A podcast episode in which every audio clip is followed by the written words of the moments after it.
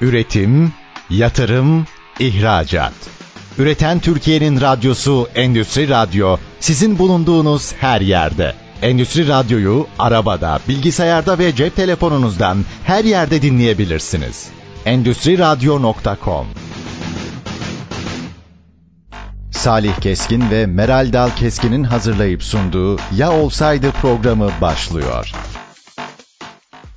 Düşünülmeyeni düşünmek, fark edilmeyeni fark etmek ve birlikte zihinsel egzersizler yapmak amacıyla oluşturduğumuz Ya Olsaydı programına hoş geldiniz. Ben Meral Dal Keskin. Biliyorsunuz programı Salih Keskin'le birlikte gerçekleştiriyoruz.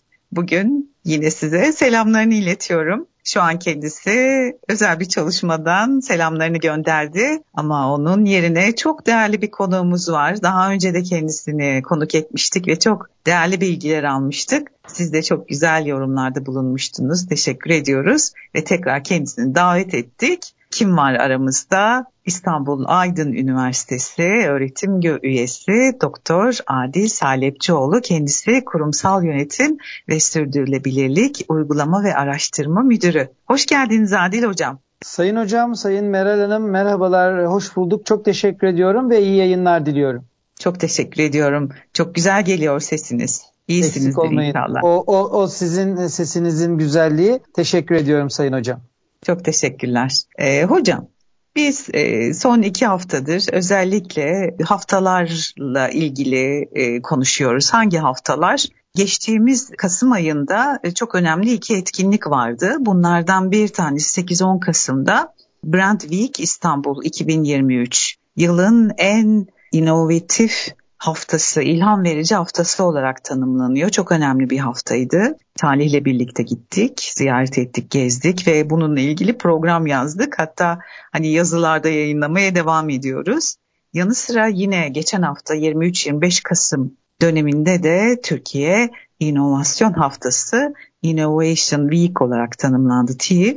Onu gezdik ve hani çok beğendiğimiz yönleri de var. Daha iyi olabilir dediğimiz yönleri de var tabii ki.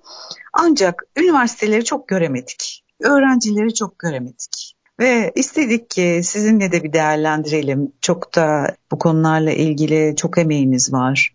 Siz özellikle de programımız biliyorsunuz ya olsaydı isminde acaba bu günlerde, bu önemli günlerde, haftalarda daha çok üniversite ve üniversite öğrencileri yer alsaydı neler fark ederdi? Ne olur yorumunuz? Değerli hocam şimdi e, burada çok güzel bir saptama. Özellikle marka yönetimi ve inovasyon Türkiye'nin en büyük açıkları. Türkiye'nin e, dünyada uluslararası rekabet açısından bence yapması gerekli olan en önemli stratejik hedefleri arasına koyması gerektiği unsurlar bunlar. Birisi marka, diğeri inovasyon. Fakat bu Kasım ayı e, biraz plansız gelişiyor sanıyorum. Çünkü bu Kasım ayında iki etkinlik daha size ilave edeyim. Bunlardan bir tanesi su gibi formatıyla adı e, mottosuyla su gibi kalite kongresi yapıldı. Uluslararası kalite kongresi yapıldı. Aynı zamanda gene 15.si gerçekleştirilen Uluslararası Kurumsal Yönetim Zirvesi gerçekleştirildi. Bunlar da gene özellikle reel sektörün içinde yer aldığı olaylar, e, reel sektörün içinde yer aldığı süreçler.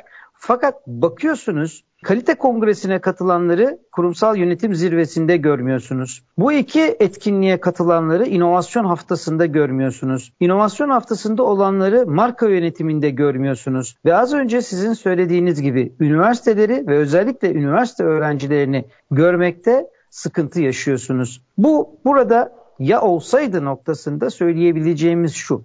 Keşke endüstri, sanayi, üniversite işbirliği çerçevesinde hep sözde kalan uygulamaları keşke bu haftalarda bir platform oluşturup bu platform üzerinde üniversitelerin aksiyon almalarını sağlayacak keşke diyaloglar kurulabilse. Yani sizin iki tane örneğiniz marka zirvesiyle işte e, inovasyon zirvesi, inovasyon haftasında neden böyle bir platformla üniversitelere ulaşılamadığını veya ulaşılıp da üniversitelerin burada olmamasına sebep olan süreçlerin irdelenmesi ve masaya yatırılması lazım. Diğer taraftan öğrencilere bunun ilgisini çekebilmek için de belki öğrenci kulüpleriyle işbirliği gerçekleştirilerek bu platforma öğrenci kulüplerinin bu süreçte bu platforma dahil edilmesi lazım ki pek çok üniversitede öğrenci kulüpleri de var. İnovasyon olsun, marka olsun, kurumsal yönetişim olsun veya kalite yönetimi olsun. Bunlar iş dünyasının, endüstrinin olmazsa olmazları. Dolayısıyla da üniversitelerin de bu alanlarda müthiş çalışmaları var. Başta bizim üniversitemiz olmak üzere bu alanda öncülüğü olan pek çok Türkiye'de üniversitemiz var. Hem devlet üniversitesi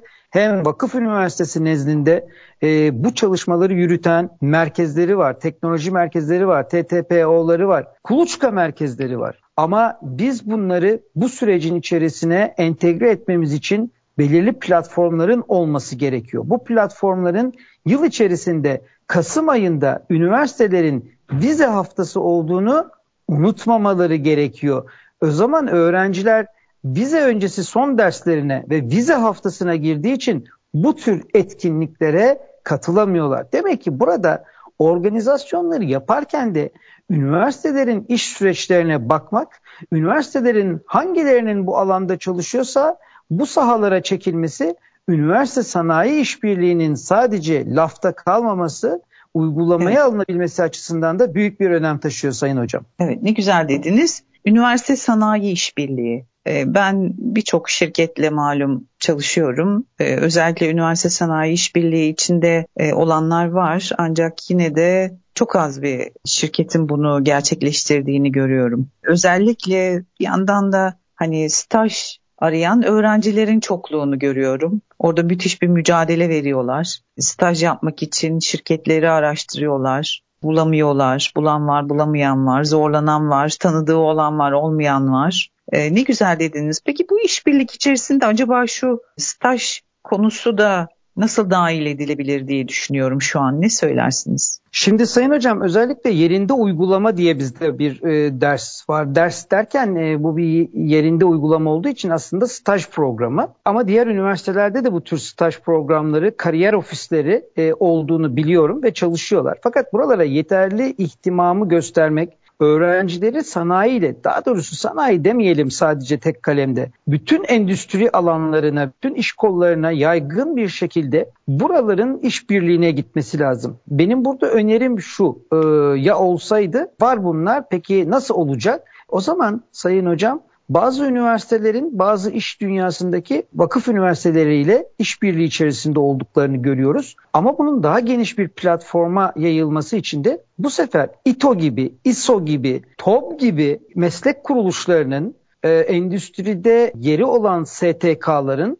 üniversiteler nezdinde de ofis açmalarını tavsiye ediyorum. Sadece üniversitelerin bu işe yatırım yapması değil, buradaki e, potansiyeli endüstriye çekecek şekilde bu platformun oluşturulması ve endüstrilerin gidip üniversitelerin içerisinde endüstri kuruluşlarının, sanayi şirketlerinin veya işte hizmet sektöründeki firmaların gidip üniversitelerde kariyer günlerine bizzat iştirak etmesi, sarfı nazar etmemesi gerekiyor. Kariyer ofislerinin diğer işletmeleri ziyaret etmesi kadar işletmelerin, şirketlerin, firmaların da üniversiteleri ziyaret ederek acaba biz hangi üniversiteyle işbirliği yaparız ziyaretlerini gerçekleştirmeleri gerekiyor ki? Bakın o kadar çok güzel bir alanımız var ki özellikle open banking, açık bankacılık uygulamalarının blok zincir üzerinden gelişen e, finans dünyasındaki yeni hizmetlerin öyle büyük istihdama ihtiyacı var ki ama onların üniversitelerden, üniversitelerinde o kuruluşlardan haberi yok. O kuruluşlar eleman arıyorlar, personel arıyorlar, stajyer arıyorlar. Buradaki kariyer ofisleri oraya gönderecek stajyer öğrenci bulamıyor. Öğrencilerin bir kısmı naylon staj yapmak bile zorunda kalıyorlar bu yerinde uygulama metodolojisi yüzünden. Ama bu öyle kalmamalı. Gerçekten onlara iş dünyasını gösterecek e, rehberliğe, mentorluğa ihtiyaç var Sayın Hocam. Bunun da karşılıklı evet. işbirliğiyle olması gerekiyor diye düşünüyorum. Ne güzel önerilerde bulundunuz. Peki hani bu uygulamalar var mı e, hiç ülkemizde? Mesela işte bir holding gidip bir üniversite bünyesinde ofis açmış biliyor musunuz? Ben duymadım. Hayır bilmiyorum ama şöyle bir şey olabilir. Hani holding adı anmadan söyleyeyim. Bazı holdinglerin, bazı e, vakıf üniversitelerinin üniversitelerin nezdinde işbirlikleri yaptıklarını biliyoruz. Hani bunu zikretmeme gerek yok. Yani tahmin edebilirsiniz. Dolayısıyla da daha çok büyük holdinglerin bu alanlarda gerçekten girişimleri var, takdir edilesi. Ama diğer taraftan her üniversitenin bu yönde gayretleri olduğuna inanıyorum. Çünkü üniversite olmanın salt gerekliliği arasında must olarak bu var. Araştırma, geliştirme ve e, bilim dünyasına akademik katkı kadar reel dünyaya da endüstriyel e, destek verebilmek.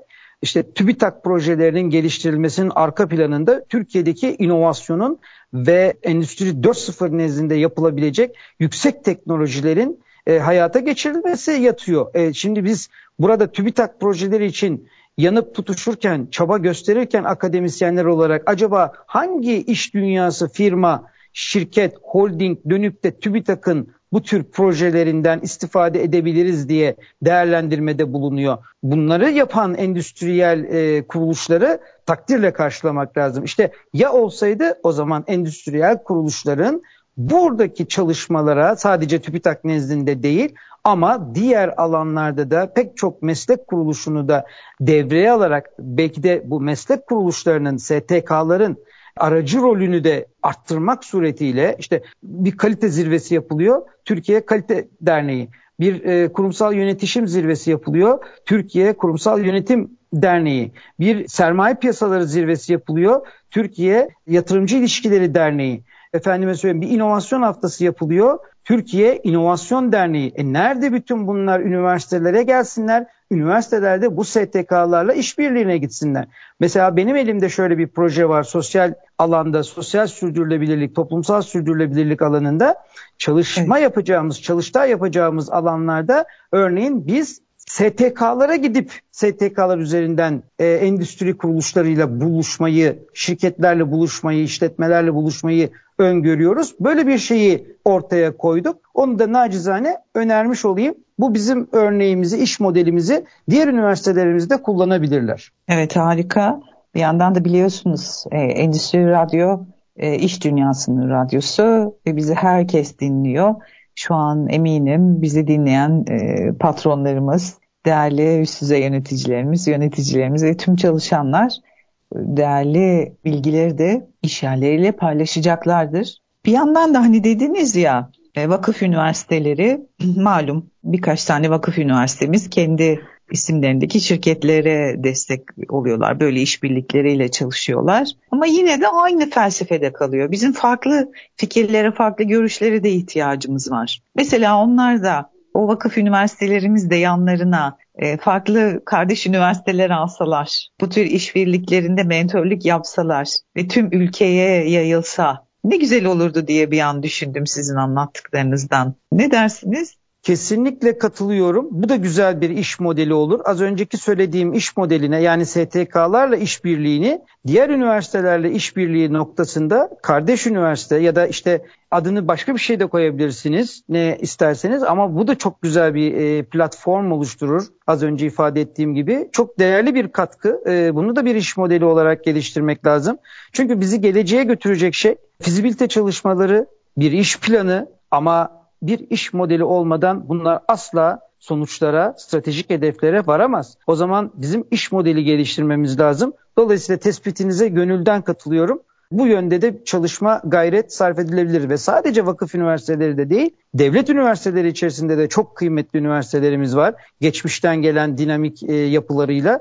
Dolayısıyla hep birlikte bu tür bir çalışma yapılabilir. Bu yönde bir işbirliği geliştirilebilir. Katılıyorum size Meral Hocam. Çok teşekkür ediyorum. Şu saatime bakıyorum. Hemen geçmiş sizinle. Çok keyifli devam ediyor. Kısa bir ara verelim. Aradan sonra size çok önemli bir şey soracağım. O da yeni ekonomi denilen bir kavram var. Bununla ilgili e, siz bu konunun duayenisiniz. Bu yeni ekonomi denilen kavramla ilgili size sorularımız var. Kısa bir ara verelim. Aradan sonra devam edeceğiz. Üretim, yatırım, ihracat. Üreten Türkiye'nin radyosu Endüstri Radyo sizin bulunduğunuz her yerde. Endüstri Radyo'yu arabada, bilgisayarda ve cep telefonunuzdan her yerde dinleyebilirsiniz. endüstriradyo.com Kısa bir aradan sonra birlikteyiz. Ya olsaydı programındasınız. Meral Dal Keskin ben. Çok değerli bir konuğumuz var.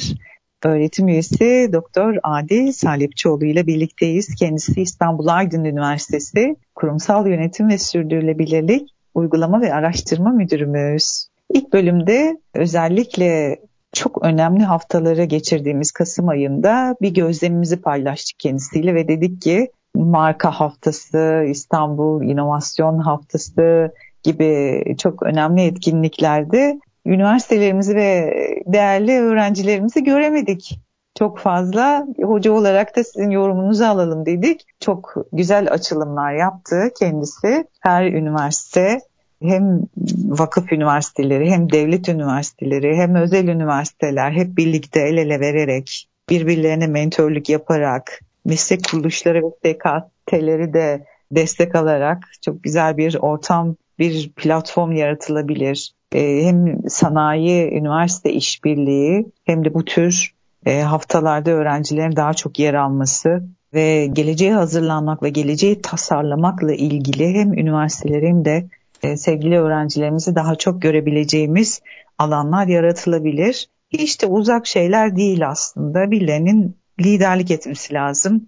Bizler de bu programlarla bunları hatırlatıyoruz. Bu fikirleri belki ekimine destek olmaya çalışıyoruz. Ve dedik ki ara vermeden önce yeni bir kavram var, yeni ekonomi denilen bir kavram var. Hocamız da bu konuda çok değerli çalışmalar yapıyor. Kendisinden duyalım. Neler söylemek istersiniz bu konuyla ilgili? Şimdi e, değerli hocam e, Meral Hanım yeni ekonomi dediğimiz şey aslında e, özellikle otomasyonun başlaması, bilgisayar teknolojilerinin devreye girmesinden sonra büyük ölçüde hem üretim hem de yönetim süreçlerinin değişmesiyle ortaya çıkan ve organizasyonlara da organizasyonel değişime de ön ayak olan bir süreç oldukça yeni bir kavram. Uygulaması daha öncesinde hayata geçen ama sıklıkla yönetim organizasyon alanında da kullanılmaya başlanan literatüre yeni girdiğini kabul edebileceğimiz bir ifade. Neyi kastediyoruz aslında baktığımızda yeni ekonomi kavramıyla neyi değerlendiriyoruz?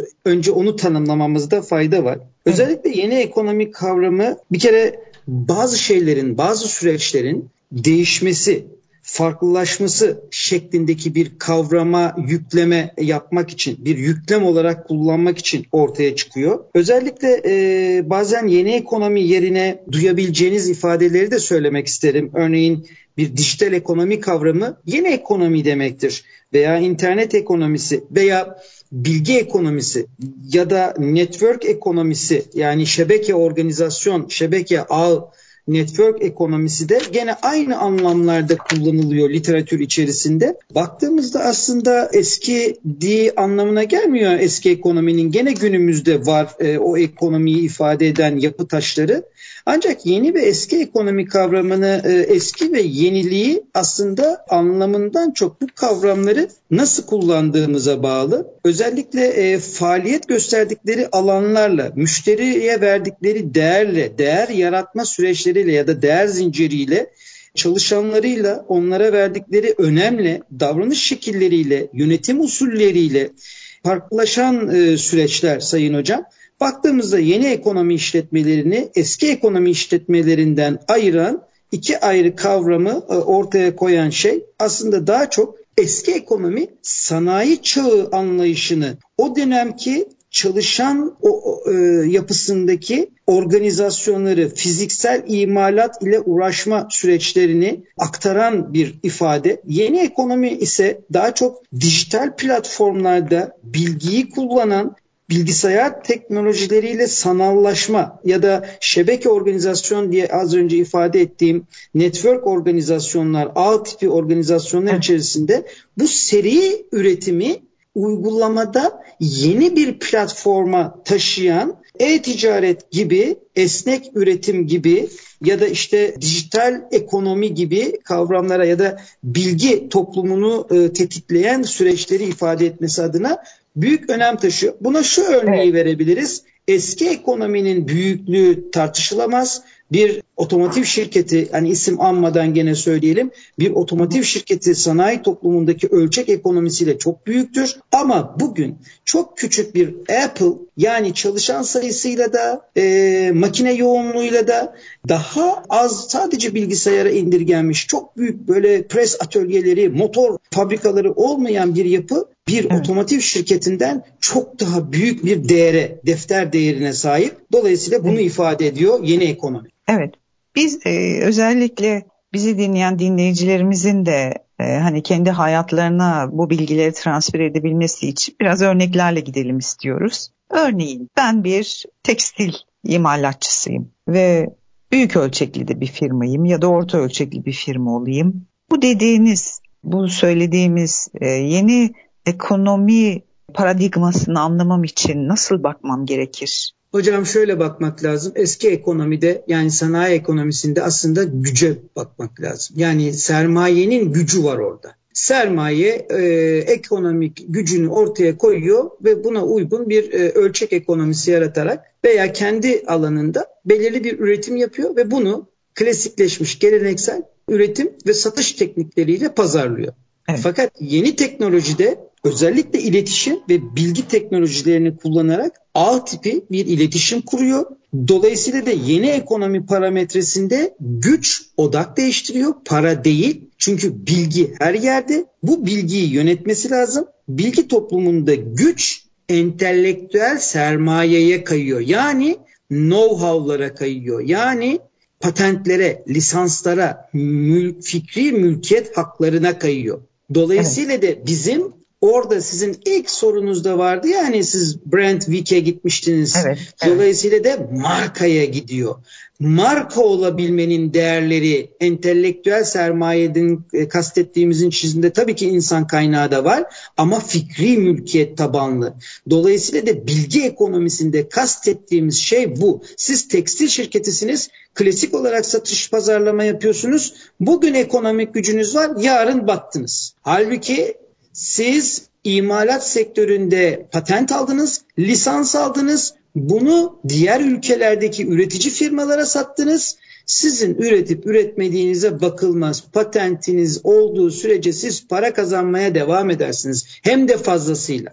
Bilmem anlatabildim mi? Marka olarak hani anmak zorunda kalacağım belki ama bir Arçelik örneğine bakalım.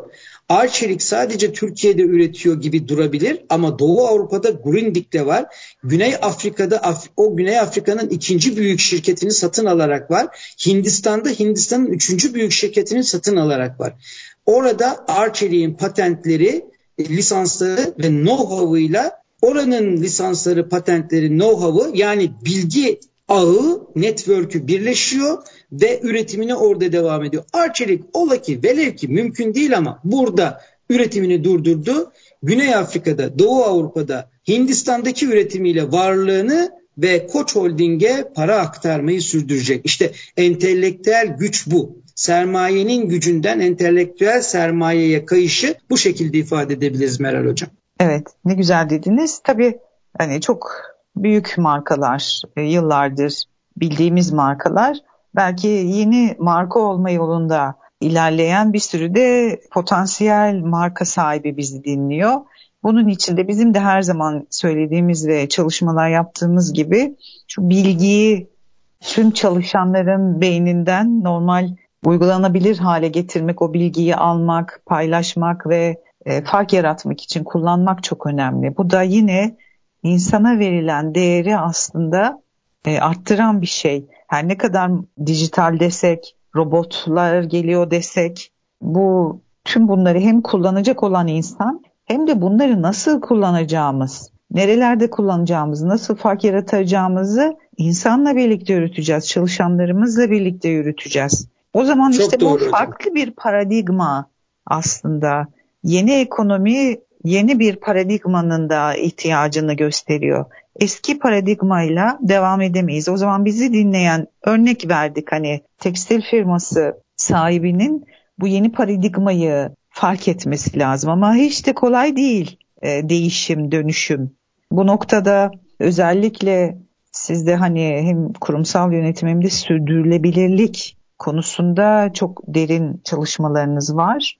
E, yine bu bizim tekstil firmasına daha önce de söylemiştiniz hocam. Böyle küçük adımlar küçük başlangıç adımları için neler tavsiye edersiniz? Şimdi Sayın Hocam öncelikle bir tekstil firması sizin o programınızda da sanıyorum altını çizmiştik. Aile şirketi mi olacak, ailenin şirketi mi olacak? Buna karar verecek en başta. Ailenin şirketi olacaksa, kasayı kendi cebi olarak görüyorsa varlığı kendi varlığıyla e, başlayıp biten bir süreçten bahsediyoruz demektir. Ama evet. aile şirketi olacaksa yani bir Koç Holding, bir Eczacıbaşı, bir Sabancı olacaksa kaldı ki bu büyük holdingleri saymanın ötesinde Türkiye'de o kadar irili ufaklı şirket var ki kurumsallaşma kültürüne sahip olan KOBİ'lerimizin endüstriyel anlamda kurumsallaşması yani profesyonel yönetime süreçleri devretmesi lazım. Çünkü onlar pazarı, piyasayı, e, yatırımı karar verici mercilerin profesyonel olduğunu kabul etmesi lazım.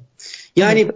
sermayedar aynı zamanda hem çalışan hem müşteri hem de sermayeyi koyan kişi olmamalı. Sermayeyi koyup sonuçta sadece denetleyen, kontrol eden konumunda olmalı. Yönetme süreci, yönetişim başka bir meziyettir. Profesyonellere sevk edilmeli. Sadece kurumsallaşmayla da kalınmaz. Bir sonraki adım biz organizasyonumuzu kurumsallaştırdık. Peki bu kurumsalı nasıl yöneteceğiz? O zaman da kurumsal yönetim ilkeleri devreye girer. Kurumsal yönetim kodları devreye girer. Bunları uygulayacağız. Kurumsal yönetişime geçeceğiz. Ondan sonra sürdürülebilirliğe geçmemiz mümkün. Ekonomik, çevresel, sosyal sürdürülebilirlik ondan sonra finansal sürdürülebilirlik olmadan da çevresel sürdürülebilirlik, iklim değişikliği, efendim sosyal sorumluluk gibi projelere kalkışamazsınız. Dolayısıyla da finansal sürdürülebilirliği sağlamak için de bizim her şeyin başında yönetimi kurumsallaştırmamız, kurumsallaşan yönetimi de yönetişim ilkeleriyle sürdürülebilirliğe hazırlamamız lazım. Küçük küçük adımları ben bu şekilde ifade ediyorum ve burada halka açılmaktan, halka açık bir anonim ortaklığa dönüşmekten kaçınmamak gerektiğini de ifade ediyorum. Halka açık borsa şirketi ki son bir yıl içerisinde, bir buçuk yıl içerisinde muhteşem bir e, halka arz seferberliği gerçekleştirilmiştir. İstanbul borsasında, Borsa İstanbul'da. Bu seferberliğin sonucu o şirketlerin kurumsallaşma ve kurumsal yönetişim ve sürdürülebilirlik ayaklarında büyük adımlardır. Hem de hani evet. şu Neil Armstrong'un dediği gibi benim için küçük, insanlık için büyük. Halka arzla da sonuçlanacak bir süreçten, sermaye piyasalarındaki bir süreçten kaçınmamaları COBİ'lere nacizane tavsiyemdir. Hem finansal evet. sürdürülebilirlik açısından kendilerine sermaye yaratmaları açısından hem de karşılıksız sermaye hem de bu kurumsallaşma sürecini tamamlamaları açısından e, ben bu şeffaflığı, bu yaklaşımı, hesap verebilirlik, adillik, şeffaflık ve sosyal e, sorumluluk süreçlerini mutlaka şirketlerin üstlenmesi evet. gerektiğine inanıyorum. Hocam verdiğiniz bilgiler için çok teşekkürler. Kısa bir ara verelim. Aradan sonra yine devam edeceğiz. Üretim, yatırım, ihracat. Üreten Türkiye'nin radyosu Endüstri Radyo sizin bulunduğunuz her yerde. Endüstri Radyo'yu arabada, bilgisayarda ve cep telefonunuzdan her yerde dinleyebilirsiniz. Endüstri Radyo.com Kısa bir aradan sonra birlikteyiz. Ya olsaydı programındasınız. Çok değerli bir konumuz var. Kendisi Doktor Adil Salepçioğlu, İstanbul Aydın Üniversitesi öğretim üyesi, kurumsal yönetim ve sürdürülebilirlik Uygulama ve Araştırma Müdürü. Kendisiyle en son yeni ekonomi kavramını konuşuyorduk. Artık yeni bir kavram var. Emek yoğun sermayeden bilgi yoğun, dijital yoğun bir sermayeye doğru geçiş var. Ve dedik ki hani biraz da bizim anlayabileceğimiz şekilde bir tekstil firması sahibiyiz biz. Burada neler yapabiliriz? Küçük adımlarımız ne olur? Bunları bize ipuçları verir misiniz dedi. Çok da güzel ipuçları verdi. Bizim e, eğer programımızı kaçırdıysanız geçmiş programlarımıza ST Endüstri Radyo'nun web sitesinde ve sosyal medya hesaplarından podcastlerimize ulaşabilir ve değerli konuklarımızla yapmış olduğumuz programları takip edebilirsiniz. Değerli hocam, çok güzel dediniz. Ee, yeni ekonomi, eski ekonomi, e, yeni paradigma hep bunları konuşuyoruz hepimiz. Bir yandan da tabii yeni dünyanın da istediği bir şey var. Yeni neslin de istediği bir şey var. Yabancılar ona agile diyorlar. Türkçe yani çevik diye daha çok çeviriyoruz. Çevik sistemler, çevik yönetim, çevik örgütler, çevik takımlar, e, hatta çevik koçlar var artık. Böyle e, özellikle kurumsallığın vermiş olduğu daha hantallaşmaya doğru giden yapıya karşı gelen, daha seri, hiyerarşinin olmadığı, daha hızlı, takımların birbiriyle daha koordine bir şekilde çalıştığı e, ve ast-üst ilişkilerinin daha farklı ele aldığı yeni modeller var. Bir yandan da bunlar da çok önemli değil mi? Acaba sizler bu sürdürebilirin içine bu çevikliği nasıl monte ediyorsunuz? Yorumunuzu almak isterim. Tabii ki Sayın Hocam. Öncelikle önceki geçiş sürecini bir kere daha vurgulamak istiyorum. Özellikle baktığımızda işletmelerimizin kurumsallaşması, sonradan bu kurumsalı yönetmesi ve bu yönetimi sürdürülebilir kılması için proje tabanlı çalışmaları gerekiyor ki yeni çağın ekosisteminde proje tabanlı yani sizin çevik yönetim dediğiniz agile olarak e, bilinen e, literatürde yönetişim modellerini de tabii ki uygulamak gerekiyor. Artık şelale tipi organizasyonu yani kontrolü en sona bıraktığımız süreçleri geçtik. Artık puzzle tarzında çevik yani bir sorun çıktığında bir müşteri beklentisi hasıl olduğunda ya da herhangi bir şeyin yanlış gittiğini gördüğümüzde bunu hızlı bir şekilde dönüştürebileceğimiz, değiştirebileceğimiz ve tekrardan aynı döngüyü sürdürebileceğimiz bir sürece ihtiyacımız var. İşte bu sürecin karşılığı çevik yönetim ya da çevik proje modeli buna doğru da işletmelerimizin e, duyarlı olması e, mutlaka yaklaşımını bu yönde de geliştirmesi gerekiyor. Artık e, çevik yönetimin, çevik modelin olmadığı bir dünya düzeni yok. Çünkü bir VUCA dünyası var bir belirsizlikler, muğlaksızlıklar ve karmaşıklık dünyası var. Bundan sonra artan rekabet değil, rekabetin artık ticari savaşlara dönüştüğü bir dönemde ne kadar etkin, ne kadar e, verimli olduğunuz kadar yani etkinlik ve verimlilik kadar hızınız çok önemli. Bakın eskiden şöyle bir deyim vardı 20. yüzyılda doğan bizler için duyduğumuz büyük e, balık küçük balığı yutar. Değil mi Meral evet. Hocam? Evet, evet. Ama 21. yüzyılın ilk çeyreğinde gördük ki küçük balık büyük balığı geçer. Artık evet. biz bu şiarla hareket etmemiz lazım diye düşünüyorum Sayın Hocam. Buyurun. E hatta ben orada şey diyorum bu balık örneğinden hızlı balık büyük balığı geçer. Aynen ee, doğru hocam. Evet kesinlikle. İşte bu yeni kavramları artık patronlarımızın cesaretle belki öğrenmesi, en azından öğrenmesi, fark etmesi, küçük denemeler yapması çok önemli. Bir de hani kurumsallaşma dendiğinde biraz patronlarımıza soğuk geliyor o kavram. O özellikle de değişim zaten zor. Bir de soğuk gelen kavramlar nedeniyle de hiç adım atmama eğilimindeler. Belki bu kurumsallaşmanın ismini de mi daha bir yeni nesil bir isim koysak ne hoş olurdu diye düşünüyorum bir yandan da. Hocam burada yeni e, kuşak dersek ya da yeni kuşağın e, algılayacağı ve sevilen mottosu sürdürülebilirlik. Biz sürdürülebilirlik dediğimizde aslında bunu üç parametrede görüyoruz. Ekonomik, çevresel ve sosyal boyutuyla.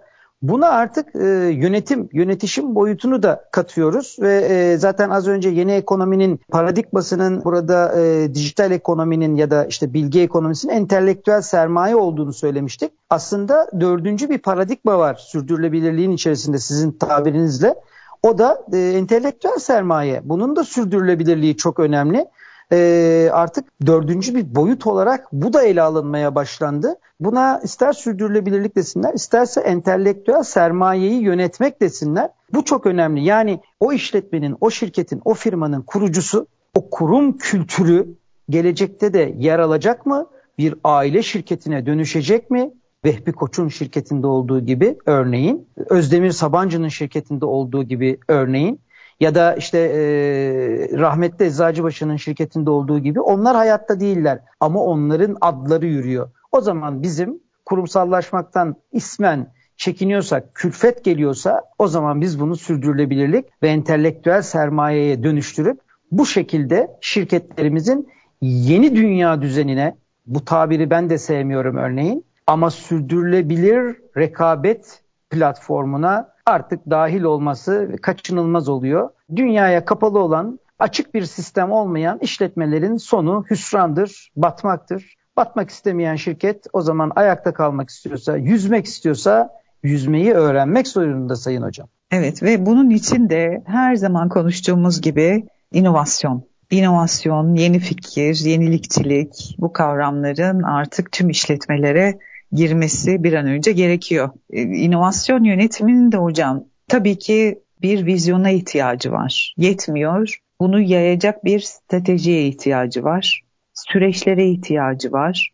En önemlisi de e, bizim ana konumuz biliyorsunuz Salih ile ortak noktamız. O da yeni fikirlerin ortaya çıkması firmaların içerisinde ve bu yeni çıkan fikirlerin de uygulanmasını kolaylaştıracak organizasyon koşullarını oluşturmak. Bir kültüre ihtiyaç duyuyoruz. Hep konuşuyoruz artık hani değişimden çekiniyor olabilir bizim kurumlarımız ama hani değişim çoktan gelmiş durumda.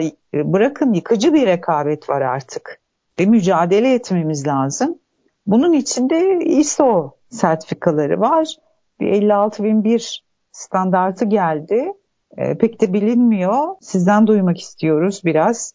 Bu konularla ilgili ne söyle tavsiyeleriniz olur? Estağfurullah. Öncelikle e, Salih hocamızı da anmış olalım. Çünkü e, Salih hocamızla geçen akşam çok güzel bir hekaton yaptık. Kalite yönetimi alanında ben aynı zamanda hem merkez müdürüyüm hem de e, kalite yönetimi ana bilim dalı başkanıyım ve bizim kalite yönetimi yüksek lisans programında ki sayın hocamız bizde öğretim görevlisi olarak da çalışmıştı bir zamanla bize desteğini esirgememişti. Bir e, hekatlon yaptık, bir kalite hekatlonu yaptık ve bu e, başlangıç noktası olarak da az önce buyurduğunuz gibi yeni çok yeni, çok da bilinmeyen ve ISO 56000 inovasyon yönetim sistemlerinden çıkışla biz bu çalıştayı daha doğrusu bu çalışmayı yaptık ekipler olarak. Kendisine de buradan teşekkürlerimi bir kere daha sunuyorum sizin nezdinizde. Evet hocam sadece ISO 56000 değil dikkat etmek istediğim bir başka e, kavram daha var. Bizim özellikle işletmelerimiz, şirketlerimiz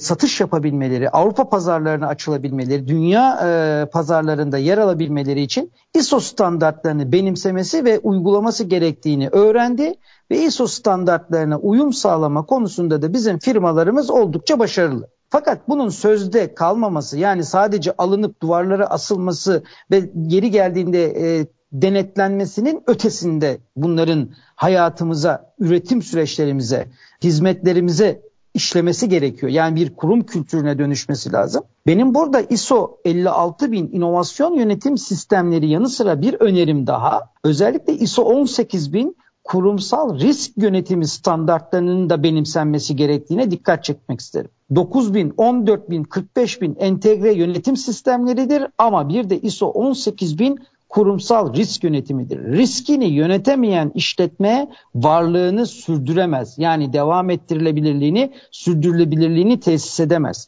Aynı zamanda ISO'nun ISO 56000 dediğimiz 56001, 56002 inovasyon yönetim sistemlerine de gelecek olursak burada özellikle inovasyon standartları bizim sadece işletmemizin işte alması yeterli olan bir şey değil bir mastır bir başlangıçtır. Çünkü paydaşları arasındaki etkileşimi yönetmek, fikri mülkiyet, az önce marka yönetiminden bahsettik. Az önce sevsek de sevmesek de kurumsallaşmadan bahsettik. Kurumsal yönetişimden bahsettik.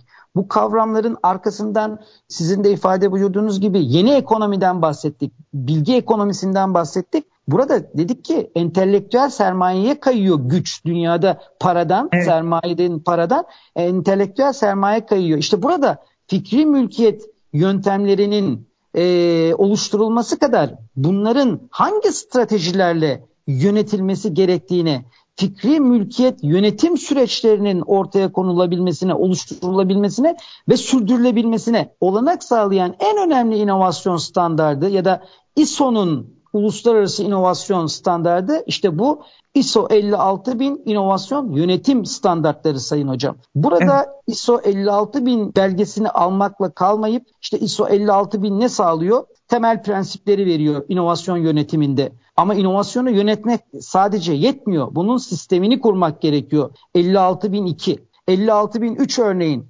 ortaklıklar nasıl kurulur? Nasıl ortak evet. yönetişim sağlanabilir? E mesela 50 bin, 56 bin 4 inovasyon yönetiminde değerler nasıl oluşturulabilir? 56 bin 5 fikri mülkiyet yönetimi nasıl oluşturulabilir ve yürütülebilir? Yine inovasyon yönetiminde 56 bin 6 stratejik istihbarat yöntemleri. Neden? Çünkü rekabet edebilmeniz gerekiyorsa karşınızdaki rakibinizin ne tür stratejiler geliştirildiğine ilişkin de inovasyon üretmeniz lazım. Tabii. 56.007 inovasyon yönetiminde fikri mülkiyet yönetimi. Bakın en önemlisi 56.008 inovasyon operasyonları nasıl ölçülebilir? Çünkü ölçemediğiniz şeyi yönetemezsiniz. Ve 56.010 inovasyon yönetimini açıklayıcı örnekler. Sayın hocam bir işletmenin 56 bini ve serisini aldığı takdirde bakın önünde yeni ekonomiyle ilgili anahtar eline geçiyor. Bu anahtarla evet. rekabet dünyasında yeni ekonominin kapısını, e, kilidini açabiliyor Sayın Hocam. Bunu vurgulamak istiyorum. Çok güzel bilgiler de paylaşıyorsunuz. Aslında hani hep aynı örneği veririz ya.